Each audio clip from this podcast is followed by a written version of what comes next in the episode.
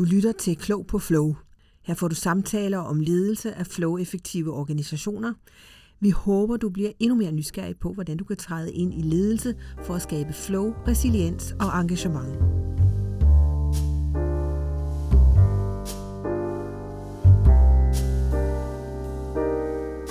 Vi er klar på en, øh, på en ny samtale om ledelse i kompleksitet og ledelse af flow.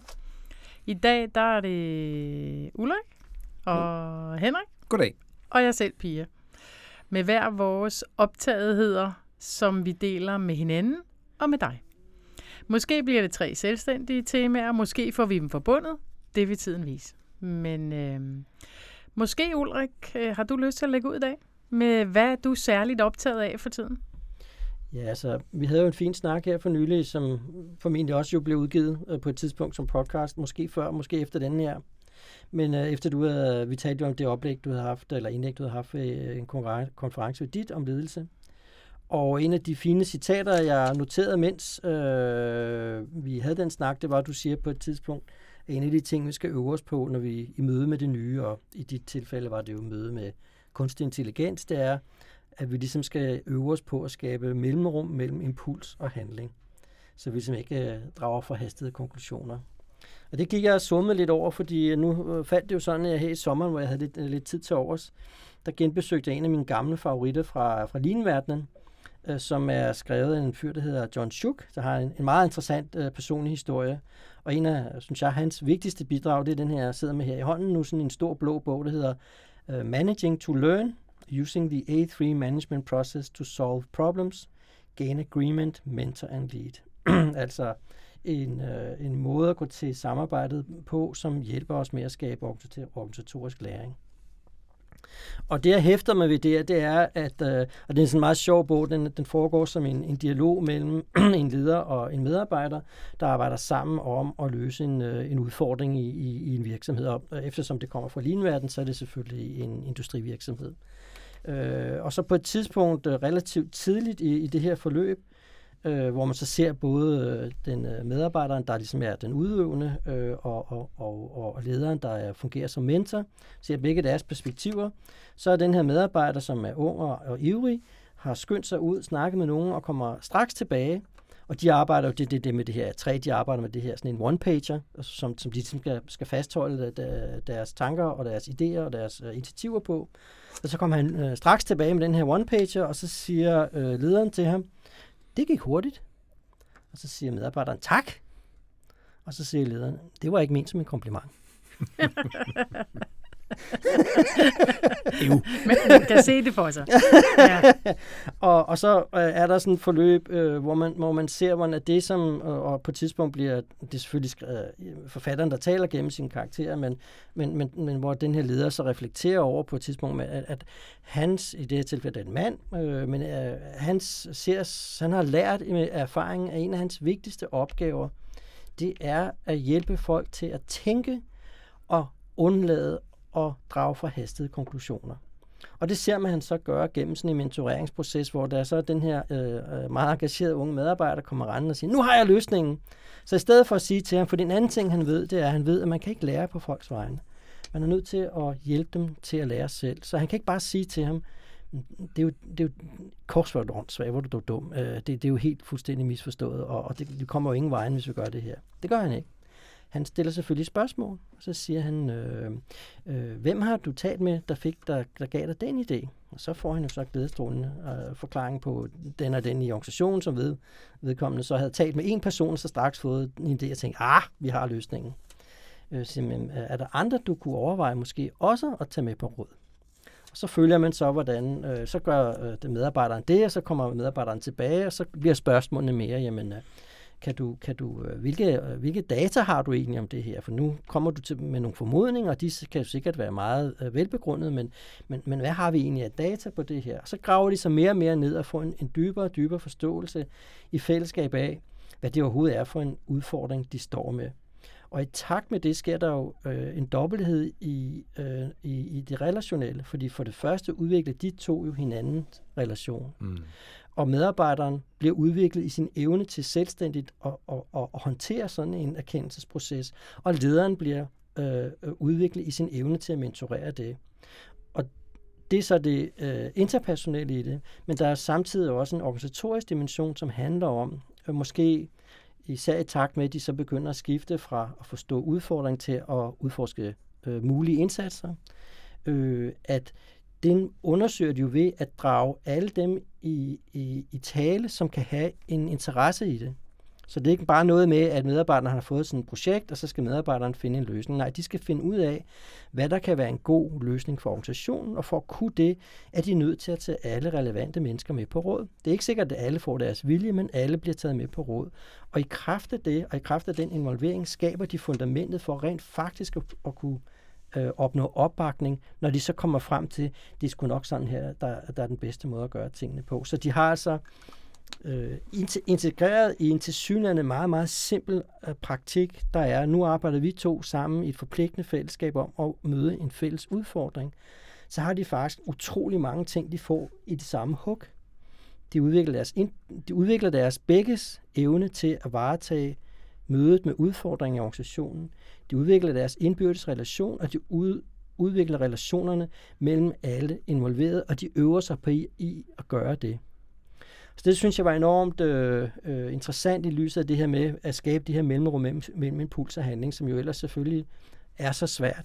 Og, og også fordi det jo har en klar parallel til øh, det, vi har talt om tidligere, men når vi har set øh, eksemplet med Burtsok og andre steder, hvor man for at kunne decentralisere og delegere, så erstatter man det med processer og konsultationsprocesser. Ikke? Øh, og her har vi så en konsultationsproces, som har nogle af de samme karakteristika, men så derudover har det her mentoreringsaspekt. Mm.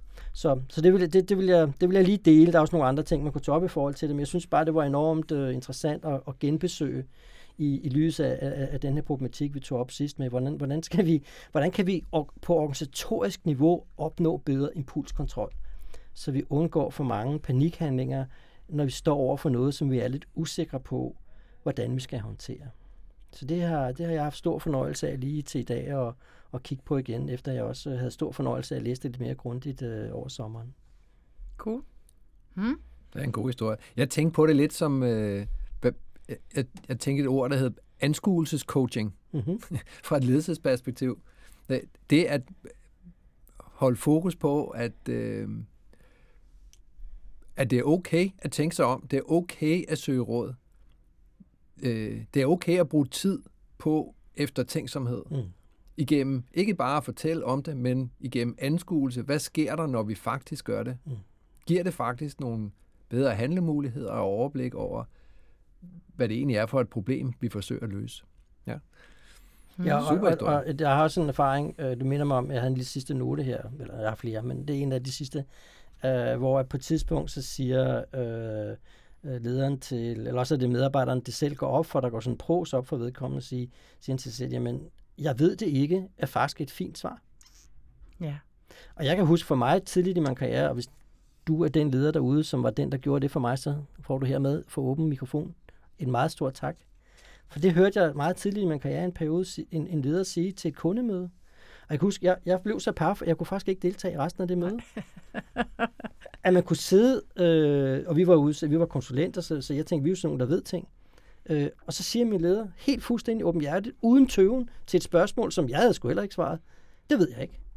Ja, det tog mig helt, øh, helt til næste dag at komme mig over, at man kunne det. ja.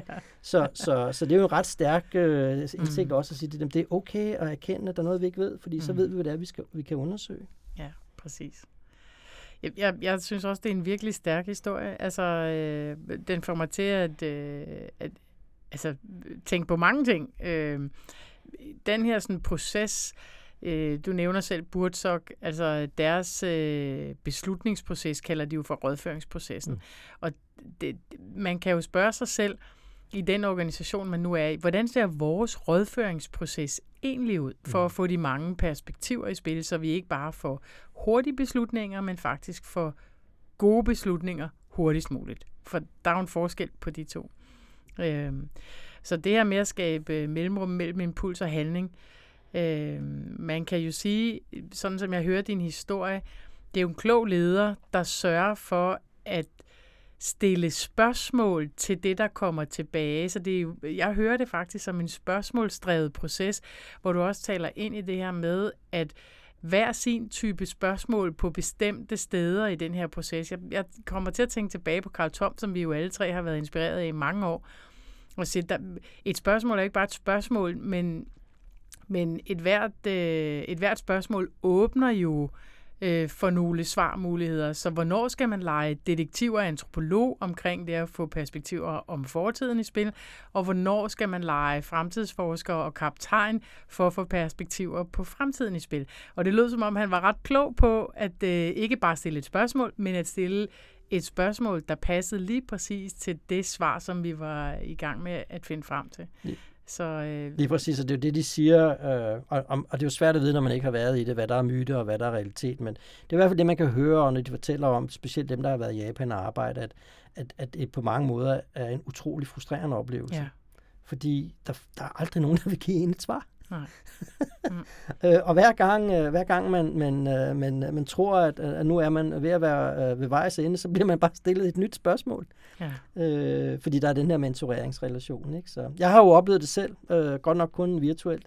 Ja. Øh, jeg var til en, en konference, eller sådan øh, en, en, hvad hedder, en virtuel konference under corona øh, med øh, øh, instituttet over i Boston, hvor de holder til.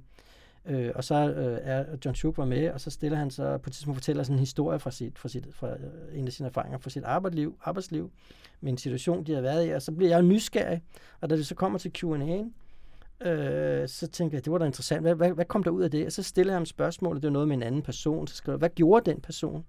Og så kiggede han direkte ind i kameraet, der blev min tur, og så kiggede han, ligesom om han kiggede mig dybt i øjnene, og så sagde han, Ulrik, hvad ville du have gjort? og så tænker jeg, nu behøver jeg aldrig vaske mig igen. nu har jeg simpelthen fået et orakelspørgsmål fra oraklet. For, det er rigtig fordi godt. det er det der med, at, at, at øh, vi skal, øh, det kan så, og det er jo der, hvor der er et udviklingspotentiale fra lederen, det er at øve sig i det der med ikke at være den der øh, svar øh, dispenser, mm. men måske i stedet for at øve sig på at finde ud af, hvad, hvad er det for et, spørgsmål, et udviklende spørgsmål, jeg kan stille til den her øh, kollega eller medarbejder mm. her, som, som både hjælper øh, med at udvikle den person, og hjælper os med at få et bedre svar på det spørgsmål, vi aktuelt undersøger. Mm.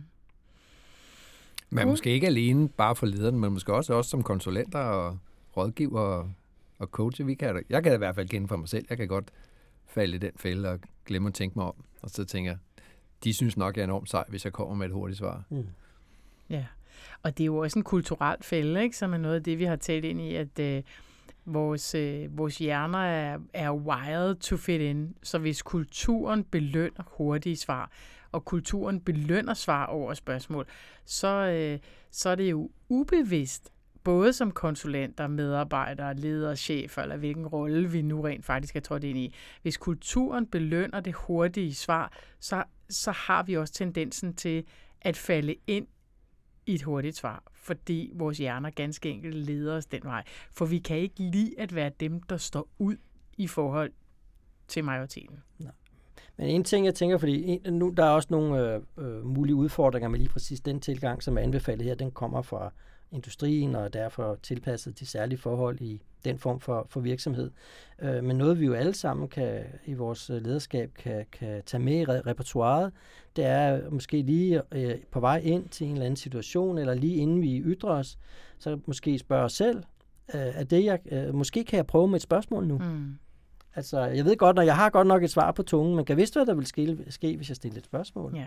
Og det jo, kan vi jo relativt øh, ufarligt gøre. Vi mm. behøver ikke ligesom at, at omkalfiltrere mm. hele vores ledelsespraksis fra den ene dag til den anden, men vi kan overveje, om det er et, et redskab i repertoireet, vi kunne prøve at bruge lidt mere. Ja. Og man, jeg, jeg kan huske, Henrik, nogle af de øh, erfaringer, som du har delt med os tidligere. Du, du har jo haft sådan... Øh, et spørgsmål, som, øh, som du har brugt i mange forskellige situationer, og som du har stillet fem gange. Altså den der lille teknik, five times why. Men jeg kan også huske, at vi har talt om, at det er ret vigtigt at sætte konteksten for at stille det spørgsmål, fordi det kan jo blive oplevet dybt provokerende at begynde at stille spørgsmål. Mm. Så der skal jo gødes noget for, at, at de spørgsmål, man stiller rent faktisk øh, bliver taget vel imod, fordi folk forstår, hvorfor man gør det. Er det Mm. kan du selv, jeg, jeg kan huske nogle gange, når vi har talt den om, at du er kommet hjem, hvor du har tænkt, Nå, der fik jeg ikke lige sat konteksten rigtigt, og så har jeg sagt, jeg ved præcis, hvordan du har det, for det har jeg også prøvet, ikke? Ja. Men, øh, Men, men det er rigtigt. Altså, det kan blive opfattet voldsomt provokerende at øh, blive ved med at stille spørgsmål. Hvis man har købt en konsulent, som man tænker skal hjælpe en videre, mm, og så bliver bare ved med at stille spørgsmål. Ikke? Så man skal tilkæmpe sig den ret, hvor det er okay, mm, og det bliver opfattet, måske ikke lige i første omgang, men i hvert fald ret hurtigt, bliver opfattet som hjælpsomt, for ellers så, øh, mm. ja, så mister man alligevel målet. Men jeg sidder nu sidder og tænker på, kan, kan I huske Game Master-modellen? Øh, og, og, og, og det er bare en simpel model for, hvordan man kan gebære sig i, enten som mødeleder eller, eller som øh, coach i en, en coachende relation. Og en af de ting, der indgår i den, det er at man øh, skifter mellem samtaleplanet og samtalen om samtale, metaplanet øh, i ny og næ. Og en af de ting, man, man bruger samtalen om samtalen til, det er at spørge, om det er okay, sådan som vi gør det. Præcis. Ikke? Så, så, så, så en ting er at på sigt at forhandle sig ret til at gøre det noget mere, Mm. fordi det er selvfølgelig død irriterende hele tiden at blive udfordret på det, man troede, nu var vi der ikke, men øh, der kan i hvert fald opleves sådan. Øh, men man kan jo øh, øh, spørge, man, om det er okay, Ja. Og så kan man jo enten få ja eller nej, Mm. mm. og så må man jo så øh, gevære sig øh, efter det signal. Ikke? Ja, og så kan man jo sige, at over tid kan der jo opstå en slags fælles meningsskabelse og fælles sprog på, hvad er det overhovedet, vi har gang i, mm. Mm. når det nu er, vi vægter spørgsmål måske højere end svar, eller i hvert fald lige så højt Mm. som, som svar. Cool. Tak for at dele den historie, Ulrik. Jo, må jeg ikke lige jo. sige en sidste ting, fordi jeg synes faktisk, der var en sidste god pointe, øh, som udover det her med at tænke i, hvordan kan vi... Det, som er det fascinerende for mig ved den fortælling, det er, hvordan det er en integreret praksis i hverdagen. Det er ikke noget, vi går udenfor og gør Mm. en gang imellem som noget særligt. Nej. Det er simpelthen bare noget, vi gør. Ja. Vi har øh, i det her tilfælde, vi har en konsultationsproces i den måde, vi går til tingene på. Øh, vi har øh, et sparings- eller mentoreringsforhold, øh, og, og vi har flere udviklings, samtidige udviklingsperspektiver med den aktivitet. Så, så, så vi behøver ikke at, at, ligesom at opfinde noget tredje, vi skal. Det synes jeg er øh, interessant mange steder at tænke, er der små justeringer, vi kan gøre i vores hverdag for at nærme os sådan noget? Mm. Øh, men der er en sidste pointe, som, som han gør sig her, som handler om det her med øh, at slippe fri af, hvad er det nu, den her model, øh, vi laver, hvor vi laver fordeling mellem ansvar og, og roller. Den der standardmodel, vi altid bruger, eller mange bruger. Og nu kan jeg ikke huske, den hedder Ruika Ruka. Eller Nå. Raki-modellerne. Raki-modellerne. Ja, det, vi bruger den ikke, vel? Men Nej, nogen vi, ser bruger den, den. vi ser den tit brugt, ikke? Vi ser den tit brugt, men jeg, disclaimer, vi bruger den ikke. Det var en fortalelse. øh, men, men jeg synes, han, øh, han har en virkelig fin pointe her, at sige, at det, der kan ske, hvis man går til sådan en, en, en, en konsultationsproces eller rådgivningsproces, det er, at man opløser den der problematik med, at man en gang for alle skal mm. finde ud af præcis, hvem der må bestemme hvad. Fordi det, der sker i realiteten, det er, at den men, det menneske, der har øh, lead på at lave undersøgelsen, de facto får autoriteten. Mm. Og de gør det til lejligheden.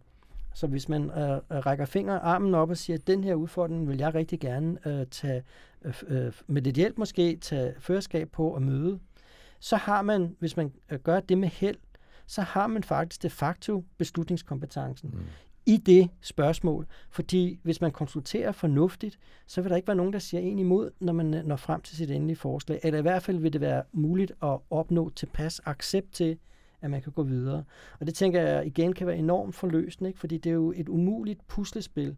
Øh, en gang for alle i en verden, der er omskiftelig, og skulle vide præcis, hvem skal bestemme hvad i enhver Mm. mm. tilfælde. Og, og det kan være meget øh, begrænsende for, hvem der melder sig. Mm. Fordi hvorfor skal man melde sig til at løse en væsentlig udfordring, hvis ikke man kan få lov at påvirke det? Så det synes jeg, og, og, og der citerer han så en af, en af de japanske KF'er for at kalde det et Kanban-demokrati, hvor man har just-in-time autoritet. Det synes jeg var lidt smart.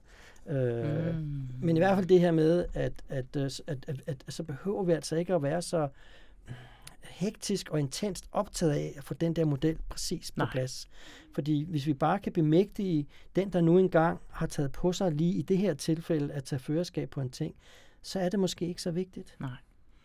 Og man kan jo sige, at, øh, og det ved jeg også gælder for os alle tre, at når vi kommer ind som konsulenter i organisationer, så, øh, så er det meget ofte, vi dumper ned i, at nogen er i gang med at få styr på det der med roller og ansvar.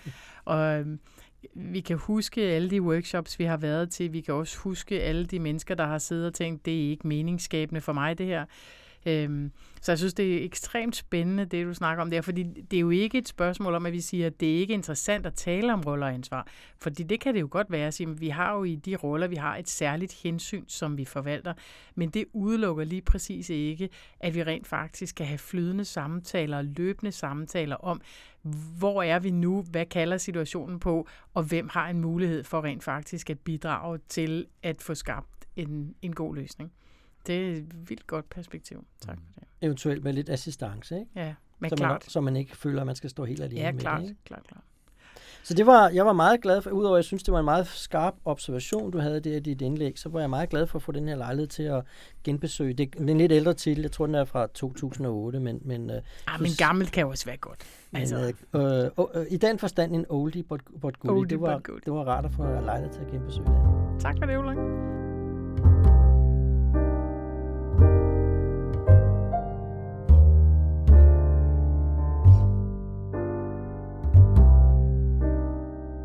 Så tænker jeg, øh, lad, os, øh, lad os skifte, eller lad os se, om vi skifter bane. Jeg ved jo faktisk ikke rigtigt, hvad, hvad du er særligt optaget af for tiden, Henrik. Men, øh, men kunne du ikke tænke dig at dele det med os? Det vil jeg da meget gerne.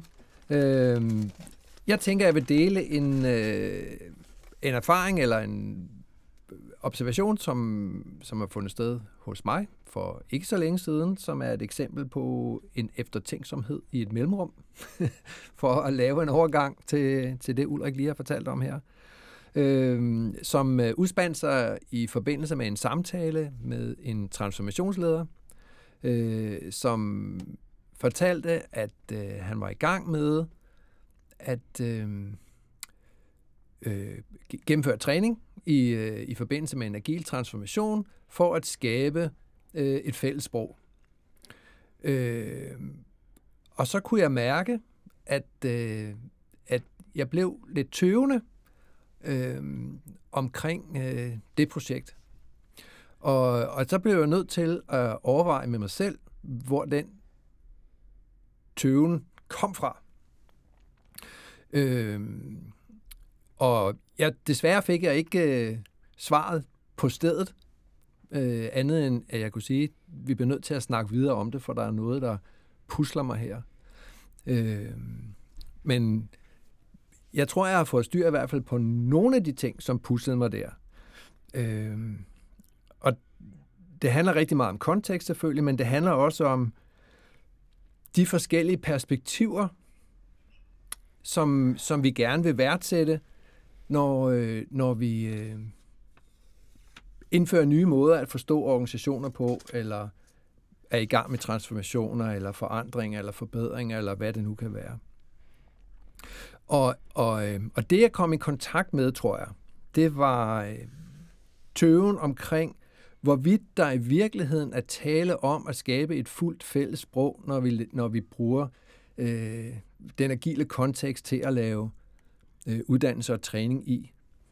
Øh, det er jo helt oplagt, at vi selvfølgelig kommer til at træne sprog omkring teknik og ceremonier og den slags ting.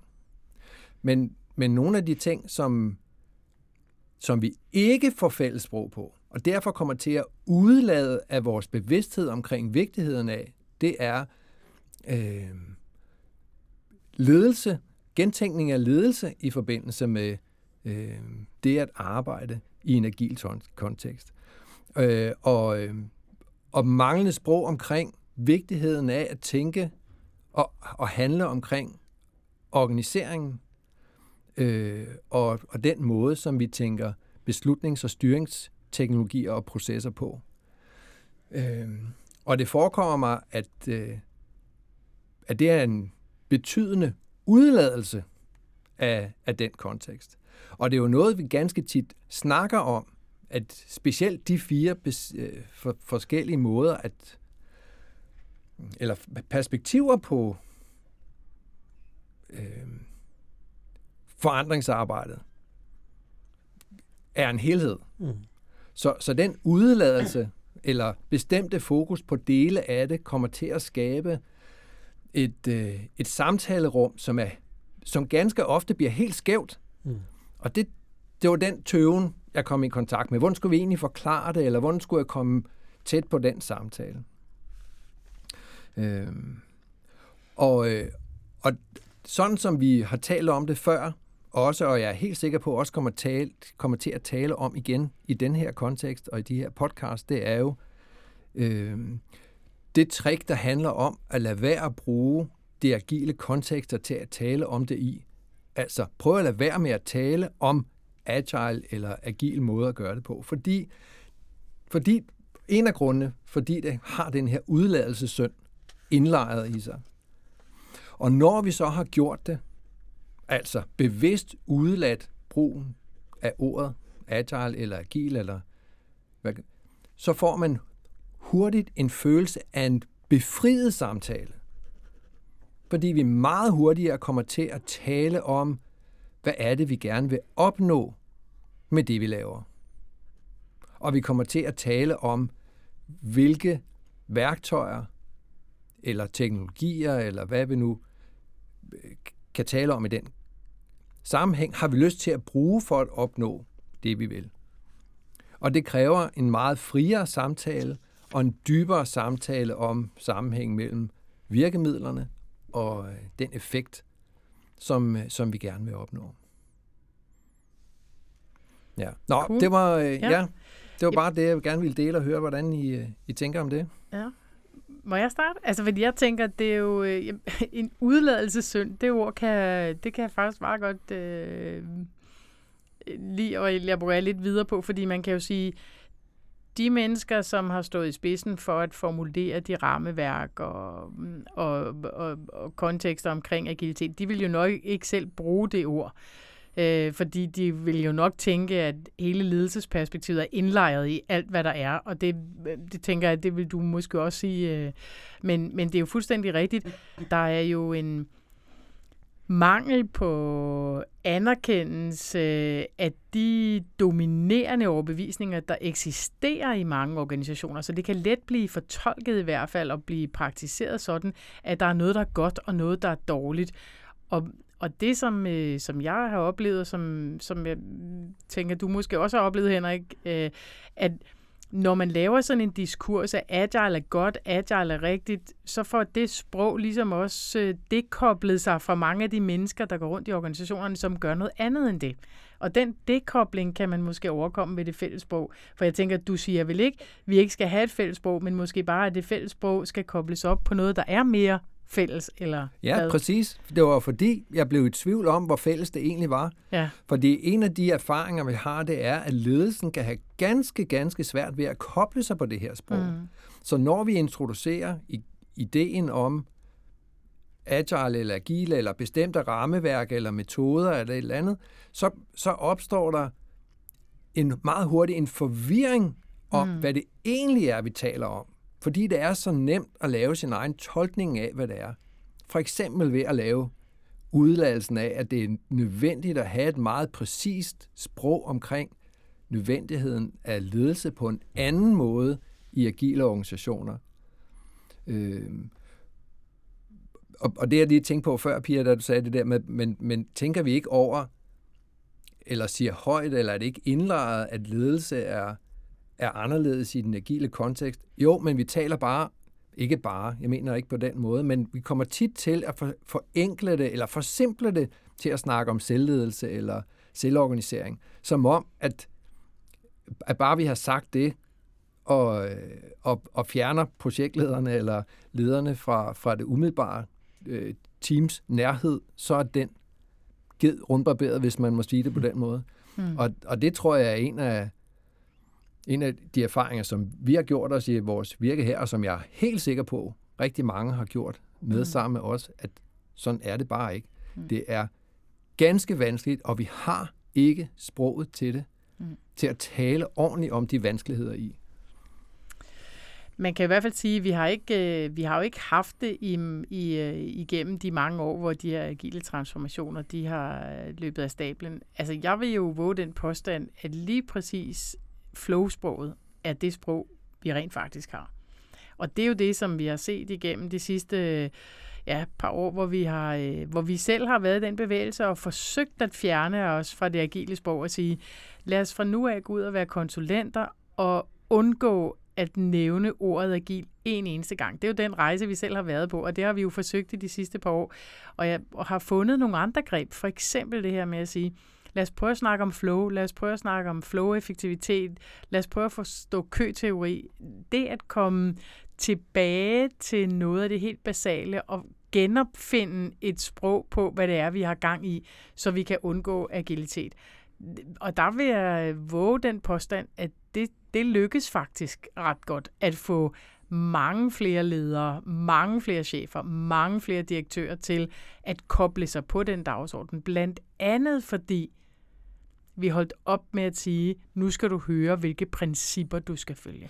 Fordi det gider de bare overhovedet ikke at se som deres fællesprog. Er, er, er du enig, Henrik? Eller Helt hvordan? enig. Ja. Jeg tænker også, det er derfor, jeg synes, at øh, den er, som ikke er mig, der har fundet på sloganet Flow Resiliens og engagement, er rigtig godt set, fordi det tror jeg måske med en lille øh, supplerende forklaring, det er noget, de fleste mennesker, der har ledelsesansvar, øh, kan se sig i. Mm. Øh, ja, vi vil gerne have godt gennemløb, så vi kan være re- responsive. Øh, ved at være responsiv kan vi øh, sikre organisationens fortsat relevans, resiliens, og ved at være øh, ved at ting ikke tager evigheder, og folk ser øh, hyppigt, at der er nogen, der værdsætter øh, frugten af deres øh, arbejde, øh, så kan vi medvirke til at skabe øh, det engagement, der skal mm. til, for at vi kan være så værdiskabende som muligt. Jeg tror, det er der meget få, der ikke øh, vil kunne se sig selv i, mens at hvis vi skal sige, at alle dine medarbejdere de skal begynde at arbejde med story points, mm. øh, som er en af teknikkerne, der ofte er brugt med, med Scrum, eller bare sige Scrum, øh, så bliver det hurtigt øh, det blanke øjne, og, og, og, og ikke bare det, men det bliver også nemt øh, en, øh, en måde at sige, og bekræfte det her med, om så det er jo bare noget, mine teams gør. Mm. For det er jo en af de ting, vi, øh, og det er jo ikke noget, vi har alene fundet på, men som vi jo i tilsvarende grad har, er blevet opmærksom på de senere år. Efter, altså jeg var selv, da jeg først hørte en af opfinderne af, af Scrum, høre, uh, holde et uh, foredrag ved Google, der jeg så på internettet, jeg var også fuldstændig solgt til Stanglerkris. Altså, jeg får og købte hans bog, og, og tænkte, ja, nu behøver jeg ikke vide mere hele, hele mit liv. så, så, så og jeg synes stadigvæk, det er i hvert fald halv, den første halvdel af det, synes jeg stadig er et godt foredrag. Men ikke desto mindre øh, har vi jo opdaget, at, at øh, det, det, det, det er ikke nok. Mm. Vi er nødt til at kigge opad. Fordi hvis det skal være interessant igen fra et ledelsesmæssigt synspunkt, så handler det jo ikke om individuelle præstationer, det handler ikke om individuelle teampræstationer, medmindre man kun har et team. Øh, hvad det hedder. Det handler om, hvad vi præsterer i fællesskab som organisation, og så er vi altså nødt til at løfte blikket for det. Så det kan godt forstå, at du havde den opmærksomhed, mm. Henrik. Øh, det var, rigt, det var godt mærket efter. Mm. Ja, altså jeg får også flashback her, fordi Henrik, du og jeg, vi var faktisk kollegaer øh, der i ja, 99-2000, øh, og fulgte sådan tilblivelsen af det agile manifest, og øh, da det kom, der stod vi jo begge to med armene over hovedet, og så tænkte vi også, sådan er der inde i vores hjerner. Altså, prøv nu at høre kollegaer, sagde vi. Sådan er der inde i vores hjerner. Nu har vi et sprog på det. Øh, så, så det var jo en slags fælles sprog dengang på noget, der faktisk var et opgør med det rationelle ideal, som, som flere af os jo slet ikke kunne være i. Øh, og nu er tiden måske bare til at sige, det sprog, det hjælper os over en vis hurdle, men nu er der nogle benspænd i det fælles sprog, og alt for mange forstyrrelser i det, så, så nu genopfinder vi lige sproget igen. Det er jo ikke fordi, vi skifter alle de grundlæggende antagelser ud overhovedet, men vi skal genopfinde et sprog, der kan samle mere, end det kan splitte. Mm. Fuldstændig rigtigt. Mm. Ja, så øh, en af de ting, jeg tænkte på, Henrik, det var det her med, øh, om det du også har opmærksomhed på der, det er, at vi, vi så frygtelig gerne vil hjælpe, øh, nu i de tilfælde, det, det, der hvor du nu har været, vi vil selvfølgelig rigtig gerne jævne, hjælpe de ledere, vi, øh, vi er blevet inviteret til at arbejde sammen med, med at øh, og ikke at snuble i den der meningsforskydning, der kan ske, fordi vi igen, vi er ikke en døjt bedre selv, har ikke været i hvert fald, at blive meget optaget af detaljerne i en eller anden metodik og så miste blikket for det, der måske i virkeligheden er det vigtigste, at vi holder fast i, specielt som ledere, nemlig hvad skal vi med det? Mm. Øh, og det kan være øh, måske frustrerende, jeg ved ikke, om det er det, der har været tilfældet for dig her, men det kan være frustrerende måske, øh, øh, hvis ikke man får evner at få ordlyd for det.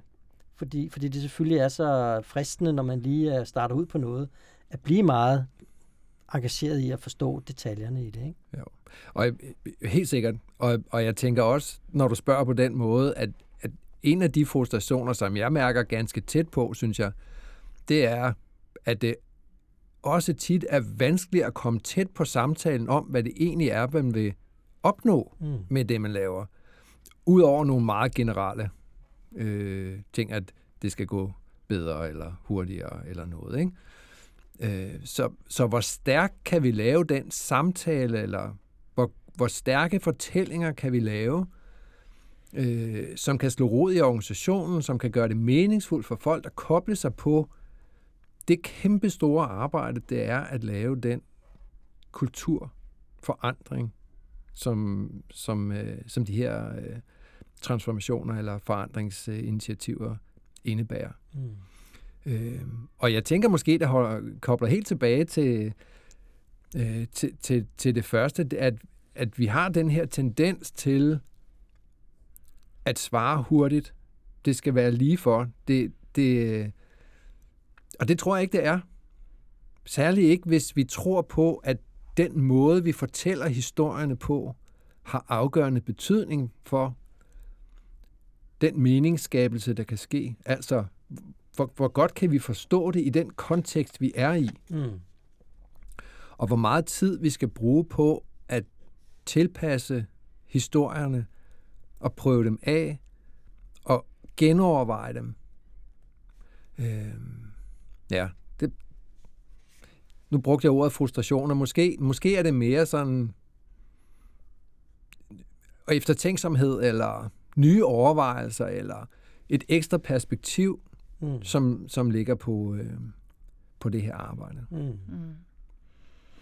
Jeg elsker på en måde det der med, at du bringer eftertænksomheden op, Henrik, altså, og også måske demonstrerer den, øh, fordi det er jo en af de, øh, hvad kan man sige, øh, praktikker, som, øh, som, som vi kan tilegne os, når, når vi skal lave et mellemrum imellem impuls og handling. Og en, noget af det, vi kunne bruge det der mellemrum til, øh, øh, det var jo efter tænksomhed, for eksempel om, hvad gør sproget ved os? Hvor fører sproget os hen? Fordi noget af det, som vi jo alle tre står på, det er jo hele den socialkonstruktionistiske tænkning omkring, at sproget er handling, og, og et, et, sproget er jo ikke gratis. Det, det, det gør noget ved os. Det, det er ikke sådan, hvad hedder sådan noget... Øh, det, det er ikke ligegyldigt, hvad det er for et sprog, vi faktisk taler. Og hvis vi kunne bruge det der lille mellemrum til at træde ind i den eftertænksomhed, som du taler ind i, at sige, det sprog, vi anvender her, som muligvis indeholder en hel del agilitet i sig, fører det os et rigtigt sted hen? Skaber det tættere relationer, eller skaber det svære relationer? Den eftertænksomhed, den kan mange situationer jo kalde på, men som du siger, Henrik, det er ikke øh, så tit, vi oplever, at det er en kulturel norm at have den slags samtaler i organisationerne. Mm.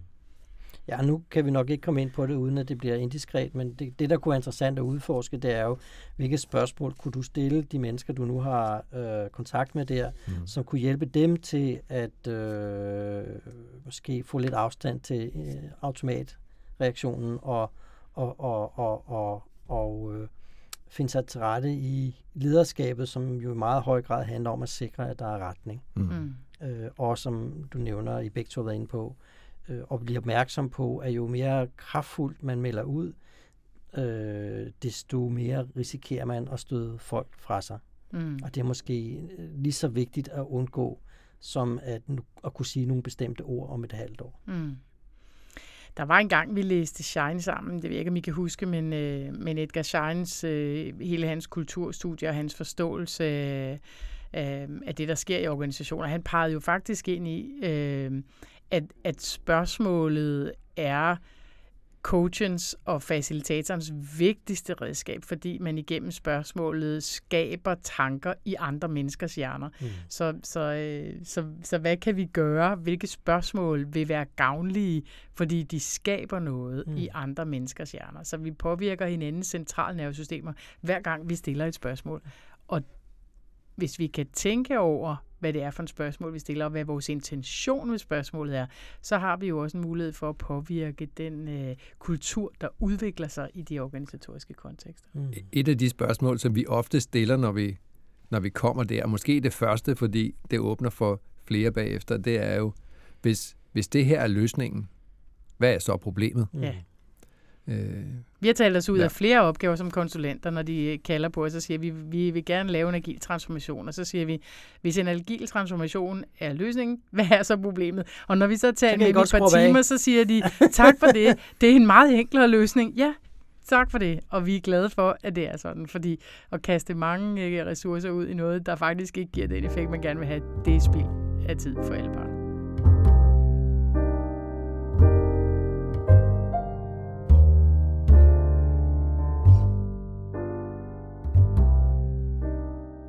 Du havde jo også øh, forberedt et emne, Pia. Ja, det havde jeg. Og jeg, øh, jeg, jeg tænker, du sidder og tripper. Er det rigtigt? Ja, men, men det er fordi... Og det gør vi også. Ja, jeg, jeg er ret optaget af det. Altså, øhm, jeg, øh, for tiden der er jeg jo super heldig at, at, at have arbejdet med forskellige ledelsesteam øh, i relation til det her med at gentænke ledelse.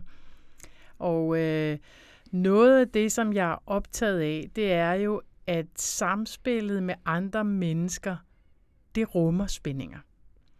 Man kan sige, at de, de spændinger, der er i ledelsesteams eller i organisationer, de er jo ikke i sig selv er dysfunktionelt. Det er ikke noget dysfunktionelt, men måske nærmere, som Karina Solse også har præsenteret det på et tidspunkt i en artikel, hun skrev, nærmere et udtryk for, at kompleksiteten manifesterer sig.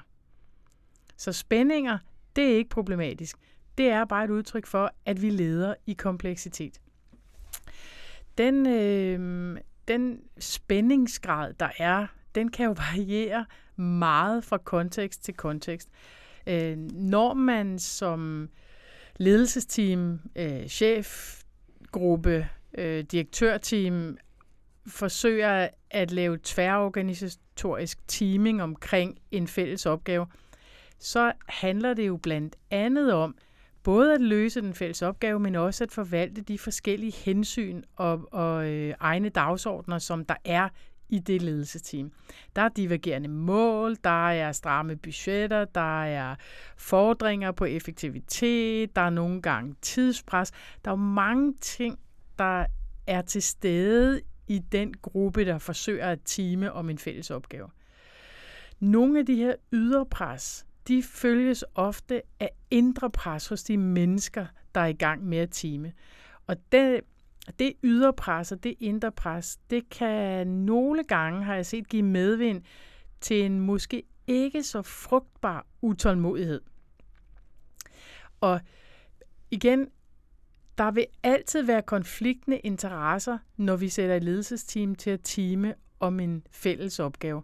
Det er i sig selv ikke problematisk. Det er et vilkår, og samtidig så er det jo også et mulighedsrum, hvis vi faktisk kan få bragt de forskellige interesser i spil på en konstruktiv måde. Der, hvor problemet opstår, det er, hvis de konfliktende interesser bliver til spændingsfyldte relationer, fordi så bliver det sådan en slags konkurrencearena eller en kampplads, hvor man forsøger at overbevise hinanden og argumentere sig til, at det er mig, der sidder med det vigtigste kort, eller har det vigtigste argument.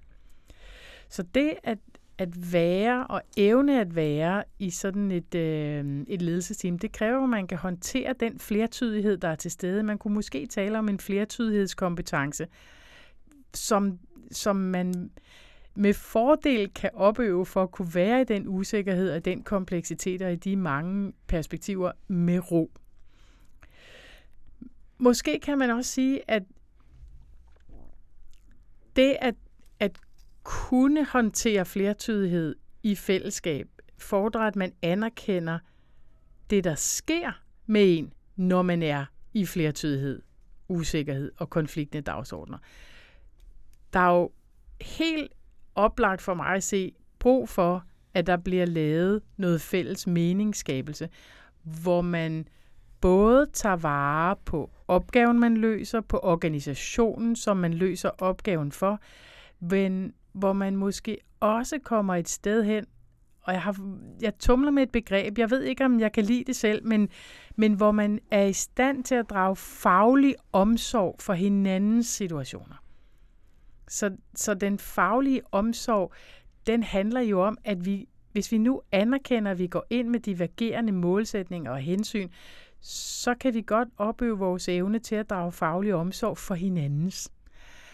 Og øh, gøre det til genstand for en fælles udforskning. Og sige, ja, vi vil alle sammen det bedste for organisationen, vi vil alle sammen gerne løse opgaven, men der er også noget, der er vigtigt for mig i den rolle, jeg er trådt ind i i relation til min identitet, eller min faglighed, eller hvad det nu er, jeg gerne vil. Jeg, jeg kom til at tænke på øh, i forbindelse med en opgave, jeg løser, at øh, Anders Trillingskov, han lavede den der glimrende artikel på et tidspunkt, der hedder det møgbeskidte ledelsesteam. Og noget af det, han siger der, det er jo, at et rigtig godt første skridt, når man skal time omkring en fælles opgave, det er at vedkende sig de vilkår, man har. Og at det er bedre at gøre sig ordentligt beskidt, end at forsøge at holde sig ren. Den evne til at gå ind i sådan en lad os gøre os ordentligt beskidte sammen, lad os vedkende os vilkommende, ja, jeg vil gerne beholde mit job i den her sådan del af organisationen, ja, det her er min opgave, og jeg synes, det er fedt, at øh, den er skruet sådan her sammen. Det at få det på bordet kan jo gøre, at vi kan varetage de personlige hensyn, der kan være, så længe vi kan se, at de ikke går ud over den omgivende organisation. Men vi bliver nødt til at tale om det, hvis vi skal skabe de bedst mulige løsninger for mig at se. Og hvis man kan, hvis man kan sådan... Øh, jeg har prøvet at sige, hvis, hvis man nu skal sætte et ord på, hvad ledelsesopgaven er i forbindelse med det her med at time omkring fælles opgaver i ledelsesteam, så er det måske at skabe og opretholde nogle arenaer for samtaler, som progressivt integrerer forskellige faglige perspektiver. Jeg tror, det er et udtryk, jeg igen har fra Karina, som jeg har nær den dybeste respekt for. Øh,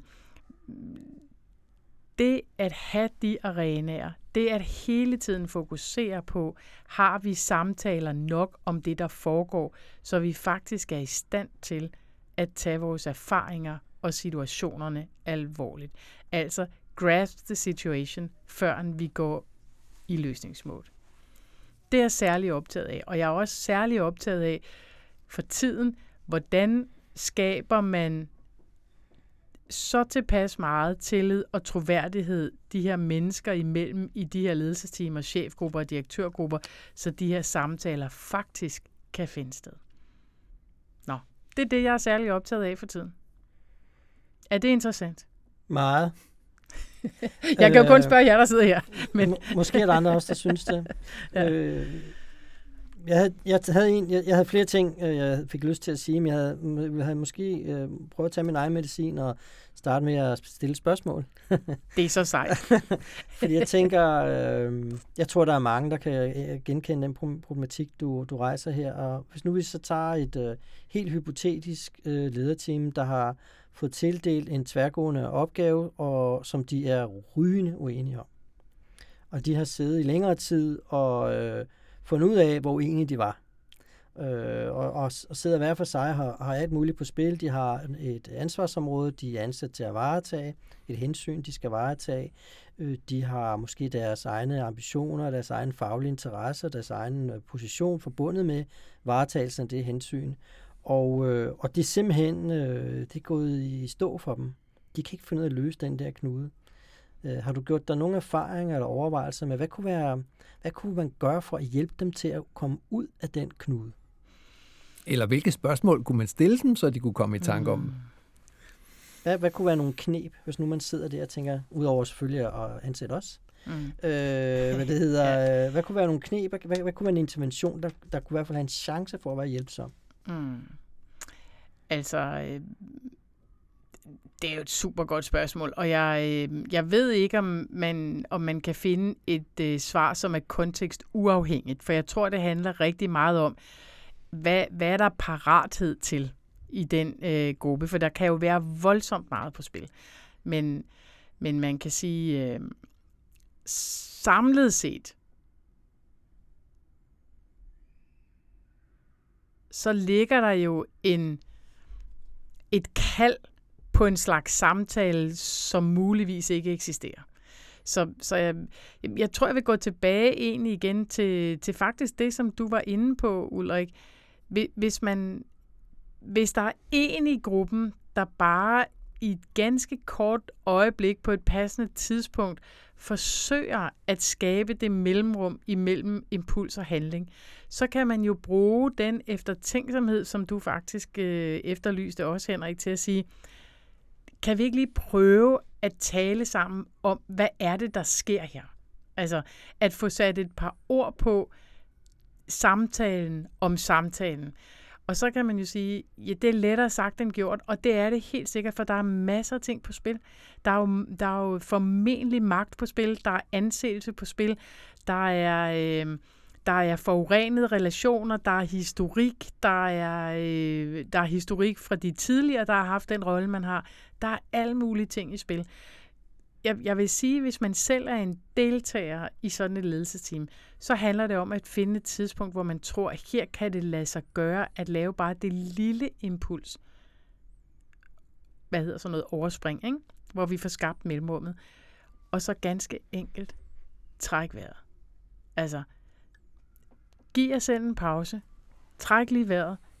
Prøv at have en samtale om samtalen. Sæt et par faktuelle ord på, hvad det er, der foregår. Og hvis du så spørger mig, om det er realistisk, at sådan nogle ledelsesteam vil kunne det, så vil jeg sige, nej, sikkert ikke. Men, men jeg tror, det er det, der skal til, at man får lavet et lille bitte afbræk i den strøm. Og hvis man skulle gøre, hvis man skulle lave en intervention, hvis de fik kaldt på nogen, der kunne hjælpe dem ud af det, så kan dem, der kan hjælpe det ud af det, de kan ikke gøre andet end at stille et fælles sprog til rådighed.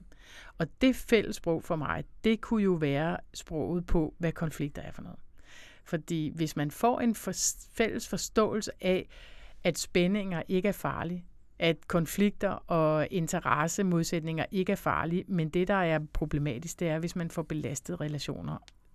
Hvis man kan få sådan et fælles sprog på det, og jeg har selv gjort det af flere omgange, introduceret en konflikttrappe, sagt, prøv lige at høre og se, hvad der sker, hvis konflikten optrappes, og der er nogle mønstre, som vi kunne se, er de til stede hos jer? Godt, okay, vil I gerne ned ad den trappe igen?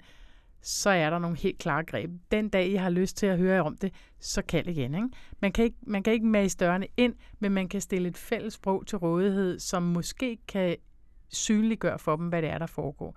For eksempel forskellen på en dialog og en diskussion. Det er også sådan helt klassisk. Prøv at høre, hvad laver I i jeres gruppe? Har I dialoger, eller diskuterer I? Mm. Hvis I diskuterer, så, øh, så bliver det kun værre. Ikke? Hvis I er i stand til at have dialog og få de mange perspektiver i spil, så har I et uendeligt mulighedsrum. Men jeg tror, det kræver en intervention af en eller anden slags. Mm. Jeg tænkte på, Pia, måske du gav et lille hint i, øh, i, dit, i, i din egen introduktion her, fordi du snakkede om, om, om det øh, den balance mellem at varetage hensynet til den enkelte, altså at vi skal kunne være på arbejde med det, som vi synes er interessant, og, øh, og det, som giver os øh, værdi hver, hver dag hver sær, og så er der et professionelt hensyn, som vi skal varetage sammen. Så, så, så det blik på det i den samme samtale kunne måske være nogen, en ledetråd til nogle af de spørgsmål, man kunne stille. Hvordan er I stand til at varetage, der er sikkert mange flere hensyn end dem, men i hvert fald de to hensyn på en måde, mm. som er synlig for alle, at man kan se sig selv i. Ja, vi kan godt se, at det her handler om, at vi skal skabe produkter eller services, eller hvad det nu er, til, til vores kunder eller klienter eller omgivelser. Men vi skal gøre det på en måde, så vi alle sammen kan være der den, de mange hensyn, det her dobbelte hensyn, gør jo, at vi ikke bare kan gøre det fra den ene dag til den anden. Det er jo mm. det, der gør, at det tager tid, mm. og vi skal øve os på den samtale. Tænk jeg på, da du ja. sagde det. Og, og man skal jo huske på, det, mm, helt enig, og man skal huske på, at for mange mennesker, der træder ind i roller i organisationer, så øh, uanset om det er formelle ledelsesroller, eller om, øh, om det er uformelle ledelsesroller, eller om det, om, om det er øh, andre øh, typer af roller, så kan der være helt ekstremt meget identitet koblet op på en rolle. Og koblet op på at have et ansvar for noget. Og i det øjeblik, at samtaler i ledelsesteam begynder at berøre noget af det, så rører vi ikke bare ved en organisering, eller en måde at bedrive ledelse på, eller en måde at styre på. Så rører vi faktisk ved menneskers måde at se sig selv i verden på. Så, så man kan sige, man holder sådan en lille smule af hinandens liv i hænderne, når det er, at man begynder at tale om gentænkning af ledelse og organisering og styring i organisationer. Og, og jeg tror, det vigtigste er måske at tage det alvorligt og sige, det er det, vi gør. Det er det, der er ude at gå her. Det er ikke farligt. Det er bare sådan, det er. Og vi skal tage skyldigt hensyn til hinanden, som, som du peger ind i, Henrik. Tak for det, fordi det er fuldstændig rigtigt. Og det kan vi jo godt nogle gange glemme, fordi vi betragter det her med transformationer og, og, og gentænkning. Måske er der en tendens til, at man kan komme til at betragte det mere teknisk, end man betragter det som noget, der faktisk har med vores måde at være mennesker på at gøre. Kan der også være noget, undskyld, kan der også være noget med, øh, at vi bliver fanget, at, altså, altså medvirker til det, som at vi, vi bliver fanget i, at jo mere vi har ledelsesblikket på, desto mere principielt tænker vi. Mm. Og, og desto mere uoverskueligt kan det blive at, at forlige de forskellige hensyn. Mm. Øh, og, og hvis vi ligesom tror, at det vi skal, det er, nu skal vi en gang for alle træffe den rette beslutning, øh, jamen så tror der pokker, hvis det er handlingslammende. Hvis der er hvis, det, hvis der kan være tvivl om, hvad den rette beslutning er, hvilket jo ofte vil være tilfældet, øh, når verden er omskiftelig. Mm. Øh, så der er måske også noget med, øh, man kunne sige, hvis jeg skulle stille sådan en gruppe mennesker et spørgsmål, så kunne det jo være, øh, hvad kan I prøve? Mm. Øh, og hvad er småt nok til, at I tør ja. prøve det? Mm. Fordi det kan jo godt være, at, at, at, at øh, hvis vi kan finde ud af det, og, og det er sådan en pointe, øh, som jeg kom i tanke om tilbage til, øh, da jeg læste eksempel her fra John Schuck, han anbefaler jo, at i stedet for at argumentere, så prøv at finde ud af sammen med dem, der nu har en stærk mening om, hvad der vil være det rette, om vi kan lave nogle små eksperimenter. Mm. Fordi ja. hvis nu vi kan prøve nogle ting af, og vi går får det ned i en skala, hvor vi siger, at vi skal ikke løse alle verdens problemer med det her. Vi er i gang med en undersøgelse af, hvad der kan virke for os i fællesskab. Mm. Så bliver det måske også nemmere at åbne op for at sige, når man altså Hans eller Lise eller Peter eller Anna, hvem det nu måtte være, Hassan, øh, har en idé, som vi skulle lidt i tvivl om. Og hvis det kun er det, så er der nogle af os, der i hvert fald ikke vil være med. Mm. Men hvis nu det er bare et lille eksperiment, hvor vi siger, vi ved jo faktisk ikke rigtigt, hvad der vil komme ud af det, for vi sidder med egentlig mest og, og, og fabulerer, øh, og, og fordi der er så meget på spil, så er det nok vores værste frygt, der fylder mest i vores hoved. Hvis nu vi kunne få det lidt ned i skala og få gjort det lidt praktisk, og, og, og, og åbne op for en, en mangfoldighed af afprøvninger, så kunne det måske være, at det ikke var så helt, at, at, at, vi, at der ikke var helt så meget på spil, og man måske bedre kunne få sig selv og hinanden med. Ja, det, det er en super god betragtning. Og måske kan man i den sammenhæng også øh, få til noget, som jeg selv er meget opmærksom på, at nogle gange, så kan ens hovedopgave jo skifte. Mm. Så nogle gange, så er vi der, hvor hovedopgaven, det er den opgave, der er vores fælles. Men andre gange kan hovedopgaven være at få forbedret de relationer, der skal være, for at vi kan løse den opgave. Mm. Så det at give os tid til at have de samtaler, der er vigtige for, at den opgaveløsning får den passende kvalitet, kan nogle gange betyde, at man må forlade den opgave for rent faktisk at tage sig af relationerne og måden, vi er sammen på. Tak for øh, delingen, vil jeg sige, til, til os alle. Øhm, det er spændende Jeg synes også, det har været spændende. Altså, vi har jo hørt om øh, ja, mellemrum imellem impuls og handling, som er vigtige for at kunne træffe gode beslutninger. Vi har hørt, at øh, det fælles sprog, det skal faktisk være et sprog, der favner alle, fordi ellers er det ikke fælles. Og øh, vi har talt lidt om, at samspil mellem andre mennesker rummer spændinger, men det er ikke i sig selv at dysfunktionelt, men bare et udtryk for at være i kompleksitet. Så, øh, så tak for at dele, og øh, hvis jeg skulle sådan øh, slutte af i dag med et spørgsmål, som øh, du kunne måske reflektere lidt over, dig der lytter med, så kunne det jo være, hvad resonerede mest med dig i dag af det, vi har talt om, og hvorfor gjorde det det? Så er der jo i hvert fald en mulighed for at komme ind i lidt eftertænksomhed, og på et andet tidspunkt, så kan du måske finde ud af, hvad du vil bruge den eftertænksomhed til. Tak fordi du lyttede med.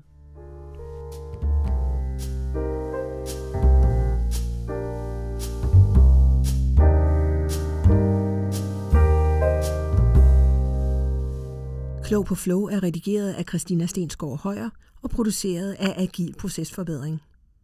Vi linker til de bøger, podcasts og videoer, som er nævnt undervejs. Du finder listen i teksten, der hører til denne her podcast. Kig forbi klogpåflow.dk.